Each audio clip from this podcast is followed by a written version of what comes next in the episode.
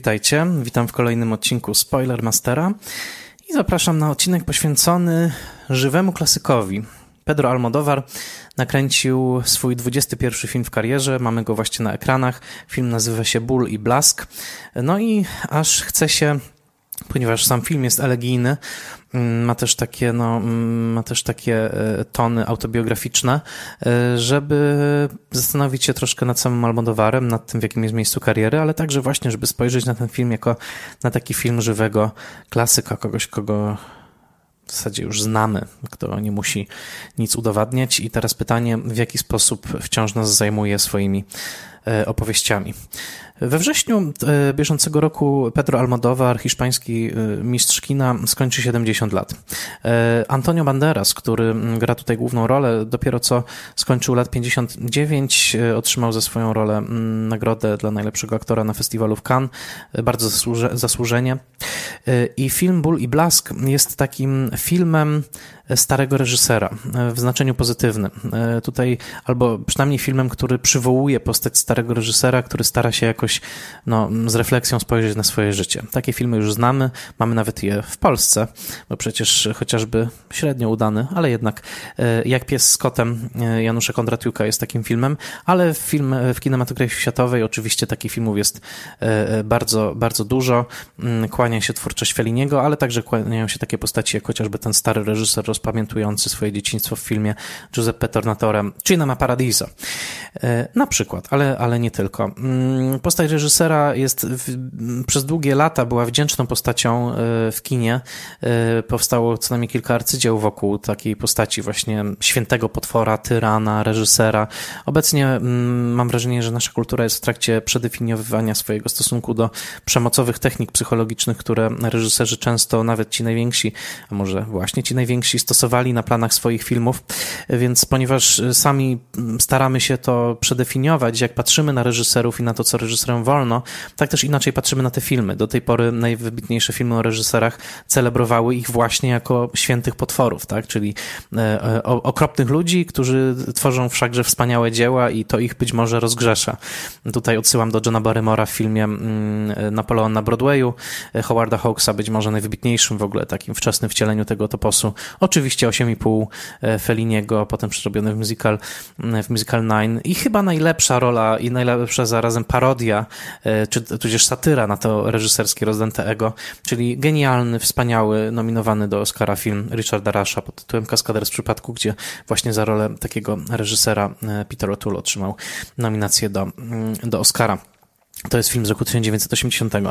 Obecnie y, y, no, to takie celebrowanie ego reżyserskiego, tym bardziej, że nauczyliśmy się dostrzegać, że zazwyczaj jest to ego męskie, y, sprawia, że no, trąci to trochę myszką, tak? I ten film też trochę trąci myszką. Ból i blask poprzez takie swoje skupienie właśnie na bólach twórczych mężczyzny, który bynajmniej nie musi się martwić o swój byt, który no, ma wszelki czas, żeby kontemplować i własną skończoność, i własne mm, przeszłe namiętności i to, czy chce mu się dalej pracować, czy nie, mm, bo po pierwsze ma ten wybór, że może pracować albo nie, to oczywiście w naszej dobie wyczulonej na kwestie i genderowe, i ekonomiczne staje się być może troszkę problematyczne, chociaż to samo słowo jest problematyczne. Co to znaczy, że coś jest problematyczne? To znaczy, że co, nie umiemy o tym mówić, nie potrafimy e, tego rozwiązać? No tak, tak, tak, być może, ale sprawa jest głębsza. Natomiast film bardzo mnie wzruszył. Jest to film, który, muszę powiedzieć, zaczarował publiczność. Widziałem go w kinie Muranów e, na przedpremierowym pokazie, była pełna sala, wieczorny pokaz.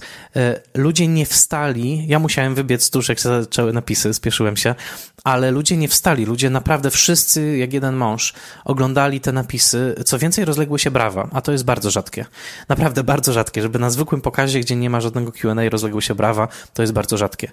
E, co więcej, film, który przez pierwszą godzinę podobał mi się, ale tylko tyle. Myślałem sobie, aha, okej, okay, przyzwoity Almodowar. W drugiej godzinie rzeczywiście wystrzeliwuje o wiele wyżej i, i przyznałem mu dziewiątkę na Filmwebie. Jest uważam znakomity. E, bo tak, no, pora, czas rozliczeń, tak, że tak powiem, zegar tyka. Nawet, e, nawet Almodóvar, czyli ten dziki, wyzwolony punk e, z Mowidy, czyli tego antyfrankistowskiego, wolnościowego, punkowego właśnie ruchu w Madrycie w latach 80., no, w końcu on także staje naprzeciwko skończoności własnego ciała i w tym filmie, być może po raz pierwszy w tak oficjalny sposób, kręci dzieło autobiograficzne. Oczywiście złe wychowanie było też takim dziełem, w którym on mierzył się z doświadczeniem przemocy seksualnej, jakiej doświadczył y, ze strony duchownych katolickich y, w Hiszpanii. Tutaj y, znowu jest ten wymiar autobiograficzny, tylko wymiar autobiograficzny już jakby w teraźniejszości, bo dzieciństwo bohatera, które on tutaj przywołuje na, na ekranie, jest, on się nazywa Salvador Mallo, ten reżyser, bohater grany przez Banderasa. To dzieciństwo nie ma nic wspólnego z dzieciństwem Almodovara.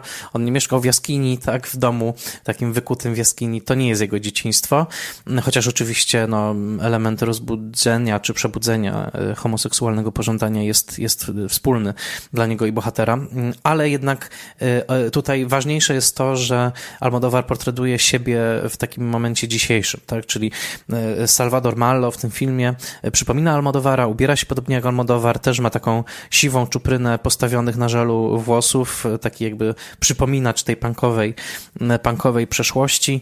Mm, no i wygląda jak Almodovar, jest, jest w tym filmie trochę podobny, podobny do niego.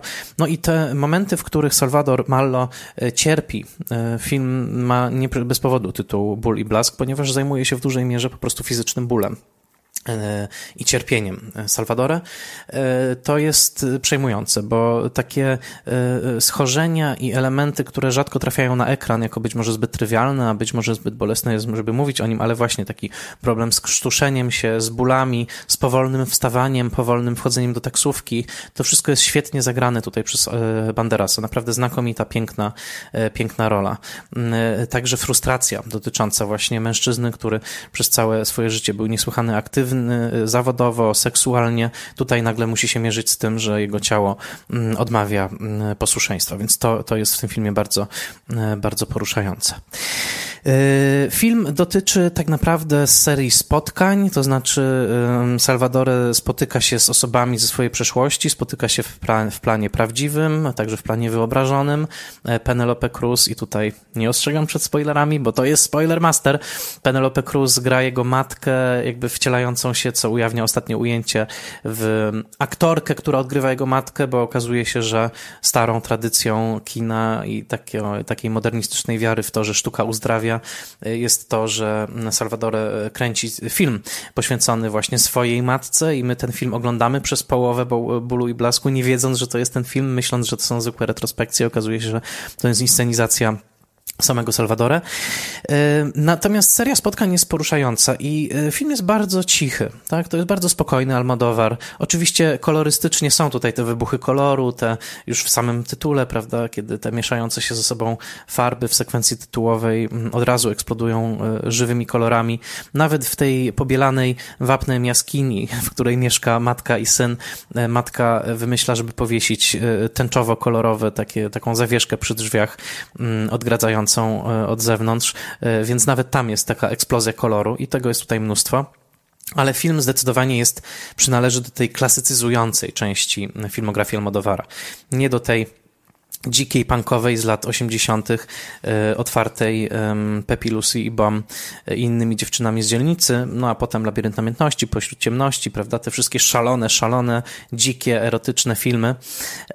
Tak naprawdę e, ten film jest pod tym względem dosyć klasyczny, odwołuje się do tamtej przeszłości punkowej, bo bohater w pewnym momencie wraca do swojego filmu z tamtych lat, widzimy jego plakat, takie zmysłowo otwarte, krwisto-czerwone usta, które, w których jest, y, film nazywa się Sabor, y, w których tkwi truskawka, która trochę wygląda jak wysunięty język. No, to jest takie kino, jak robił Almodovar w latach 80., dzikie, y, gniewne i w taki karykaturalny, wyzwalający sposób obśmiewający wszelkie mm, tabu seksualne, których oczywiście w katolickiej Hiszpanii jest mnóstwo i które są bardzo silne. Więc tak, to jest Almodovar zdecydowanie, Salvador Mallo i jest to odwołanie do tej przeszłości. W pewnym momencie też przyjaciel bohatera mówi, no mam tamte gazety z lat 80., gdzie jesteś przebrany za kobietę, czyli jest takie podkreślenie, że ta przeszłość Salvadore była rzeczywiście dzika, tak? To były dzikie dni. No i teraz mamy tego statecznego pana posiadającego mieszkanie w centrum Madrytu, wspaniałe dzieła sztuki, w które zainwestował, tak? który nie musi pracować. Że tak powiem, bunt się opłacił, tak? Bunt się opłacił e, e, artystycznie, bunt się opłacił materialnie. Pytanie, czy opłacił się egzystencjalnie, jest pytaniem tego filmu, tak? To znaczy, bohater sam siebie pyta, czy czegoś nie stracił. W jednej z najbardziej poruszających scen tego filmu, która na początku wydawała mi się trochę melodramatyczna, ale im dłużej się rozwijała, tym bardziej była poruszająca, jest właśnie spotkanie z byłym kochankiem o którym Salvadore napisał jedną aktówkę, obecnie wystawianą przez jego przyjaciela, y, aktora, z którym po latach się pojedniał w tej roli, Azier Extenadia, mam nadzieję, że to dobrze powiedziałem. Y, i, i, i, I oto Salvador spotyka się ze swoim kochankiem, o którym napisał właśnie tamtą sztukę, przedstawiając tego kochanka jako właśnie straceńca, narkomana, y, heroinistę, który no, jakoś poruszył bohatera tym, że było jakieś takie dotknięcie śmierci w nim. Tymczasem, i to jest świetna scenariuszowa przewrotka, Oto staje ten mężczyzna przed nim, przychodzi do niego do domu, rozmawia z nim i okazuje się, że absolutnie to właśnie on wywinął się w pewnym sensie e, szponom nałogu, w którego szponach nadal tkwi Salvadore, ponieważ zaczął zażywać heroinę, co widzimy w tym filmie wielokrotnie, e, także mieszając ją z lekami i ma udane życie, to znaczy mówi o tym, że mm, e, otworzył restaurację w Argentynie, ożenił się z kobietą, ma dzieci, jest szczęśliwy, zadowolony, gdzieś tam tkwi w nim jeszcze pożądanie w stosunku do Salvadora. Ono prawie się realizuje na ekranie, ale jednak obydwaj mają na tyle, nie wiem, rozsądku, jakiegoś takiego też stoickiego podejścia do własnych starzejących się ciał, że powstrzymują ten wybuch namiętności, ale yy, nie ma żadnej wątpliwości, że i tak też Almodovar reżyseruje tę scenę, że ten mm, kochanek sprzed lat jest człowiekiem spełnionym I, i co więcej, on się spełnił poza tą y, kontrkulturą lat 80., wręcz odnajdując pewną stateczność właśnie w rodzinnym biznesie, w heteroseksualnym małżeństwie, prawda? W tym scenariuszu, który przez dziesiątki, może nawet setki lat był jedynym scenariuszem dostępnym dla homoseksualistów, tak? Czyli właśnie jakby schowanie się w mm, e, e, tych rejonach akceptowalnego społeczeństwa, akceptowalnych patriarchalnych norm, mm, e, a jednocześnie mm, jakby drugie życie, w którym e, właściwe namiętności mogły się realizować pokątnie. E, przeciwko tej kulturze wystąpiła Mowida i cały ruch, ruch gejowski od lat 70. wzwyż. Właśnie po to, żeby wprowadzić homoseksualne pożądanie w mainstream i uczynić je po prostu równoprawnym czy równorzędnym w stosunku do dotychczasowych modeli, mm, modeli pożądania. No i okazuje się właśnie, że tutaj bilans jest taki, że ten człowiek jest, przynajmniej twierdzi, że jest bardzo szczęśliwy, co więcej wygląda na szczęśliwego. Tak to jest wyreżyserowane w tym filmie. I nagle nasz bohater się pyta, czy może źle nie wybrał, tak? E, e, tkwiąc właśnie w tej kontrkulturze, w pewnym momencie nawet dostaje książkę pod tytułem chyba Rozliczenie kontrkultury, więc to jest kolejny, kolejny taki motyw. Jest to bardzo poruszający moment, a jednocześnie znakomicie jest zrobiony ten moment tego wybuchu namiętności, bo powiem szczerze, tylko Almodovar potrafi w jedną sekundę przejść od zera do setki, to znaczy dwóch mężczyzn stoi naprzeciwko siebie, oczywiście dotykają się, patrzą na siebie bardzo czule, ale nagle ten pocałunek, w tym pocałunku jest cały głód tych kilkudziesięciu lat, kiedy oni się nie widzieli. I to jest y, nieprawdopodobne aktorstwo, wspaniałe, piękne. Więc jakby takie pytanie, czy zmarnowałem życie, tak? To jest y, znak zapytania nad bohaterem w tym, w tym filmie, ono cały czas się unosi. Są też retrospekcje, retrospekcje z matką wyśnioną, z matką prawdziwą, co interesujące, bo ta matka e, prawdziwa w tym filmie no, jest, jest też poruszającą postacią, mimo że pojawia się na ekranie niemalże dosłownie w jednej scenie. Grają Julieta Serrano, co też jest znaczące, bo to już jest sta, stareńka pani, chciałoby się powiedzieć. Tymczasem była jedną z głównych aktorek w Pepilus i Bomb, czyli w pierwszym filmie Almodovara, tak, czyli mamy taki ładny most pomiędzy pierwszym filmem i tym dwudziestym pierwszym.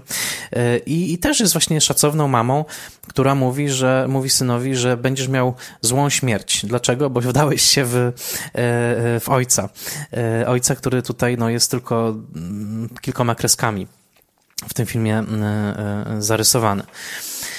A jednocześnie takie pytanie unoszące się nad tym człowiekiem, który właśnie jest bezdzietny, w tym momencie swojego życia jest samotny, także bezpłodny w sensie artystycznym, bo, bo nie może tworzyć. Jednocześnie jest pięknie pokazane, że swoją twórczością ten człowiek dotknął nieprawdopodobnej ilości ludzi i że zmienił życie wielu ludzi. E, włącznie z tym, że e, nie miał w swoim życiu takiego, powiedziałbym, samolubności w dzieleniu się swoimi darami, bo to, że jest wybitnie uzdolniony jest jasne, ale on też tymi darami się dzielił. Tu jest taki bardzo ładny motyw tego dzieciństwa, kiedy mm, Salvadore uczy niepiśmiennego e, robotnika pisać i mm, czytać i liczyć. Po latach dostaje od niego piękny list z podziękowaniem, którego bardzo wzrusza. E, w tym liście on mówi, ty mnie nauczyłeś pisać, dlatego piszę, piszę do ciebie. Ten sam robotnik jest także ogniskiem pierwszego, pierwszej homoseksualnej fascynacji, która tutaj jest nakręcona no, na pograniczu kiczu, a być może z przekroczeniem kiczu, bo ten moment, kiedy u, uwalany wapnem e, robotnik, prawda, nago myje się w Bali, w tej pięknej białej e, e, jaskini, obserwowany przez małego chłopca, to w zasadzie jest taki gotowy mm, do, do jakiejś erotycznej, soft erotycznej antologii gejowskich obrazów, mm, kojarząca się oczywiście z Terencem Davisem i z tym spojrzeniem przez okno w kresie długiego dnia. Natomiast y, y, koniec końców, jakby film rozgrzesza bohatera przede wszystkim dlatego, że on y, nie przestaje dawać z siebie. Nawet jeżeli, mm, nawet jeżeli jego życie okazało się, mm, okazało się, że przyniosło jakby koniec końców tą samotność i też ciało siłą rzeczy przynosi ból, o tyle jego taka zdolność do dzielenia się i do opowiadania innym, także siebie, ale także ich samych, czyli po prostu sztuki, w tym filmie, w którym na końcu on pisze właśnie scenariusz pierwszego pożądania, taki nazywa się film, który tworzy, jest naprawdę przekonująco i pięknie pokazany. I ten moment, kiedy mały chłopiec patrzy na fajerwerki i okazuje się, że to jest właśnie film e, tworzony przez Salvadora, e, mimo wszelkiej kliszowości, mimo tego, że to nie jest największe odkrycie świata, e, to jest bardzo, bardzo poruszający. Cały wątek uzależnienia od heroiny, tego głodu miłości, e, tej sztuki wystawianej przez przyjaciela, Alberto Crespo on się nazywa, która w zasadzie, i to nie wiem, czy Almodovar tak zamierzył, ale wygląda niemalże jak parodia almodowarowskiego tekstu, albo taki pastisz, bo myśmy to już wszystko słyszeli, tą frazę, to zawodzenie nad samotnością, to właśnie wspominanie erotycznej ekstazy. Ten moment, kiedy, kiedy Alberto gra tę sztukę na scenie i wchodzi na całkowicie czerwone tło, w pewnym momencie jest taki wycięty jak sylweta na czerwonym tle, to wygląda niemalże jak pastisz almodowarowskich spektakli, których przecież widzieliśmy już tyle i na których mm, temat wariacji widzieliśmy. Już tyle.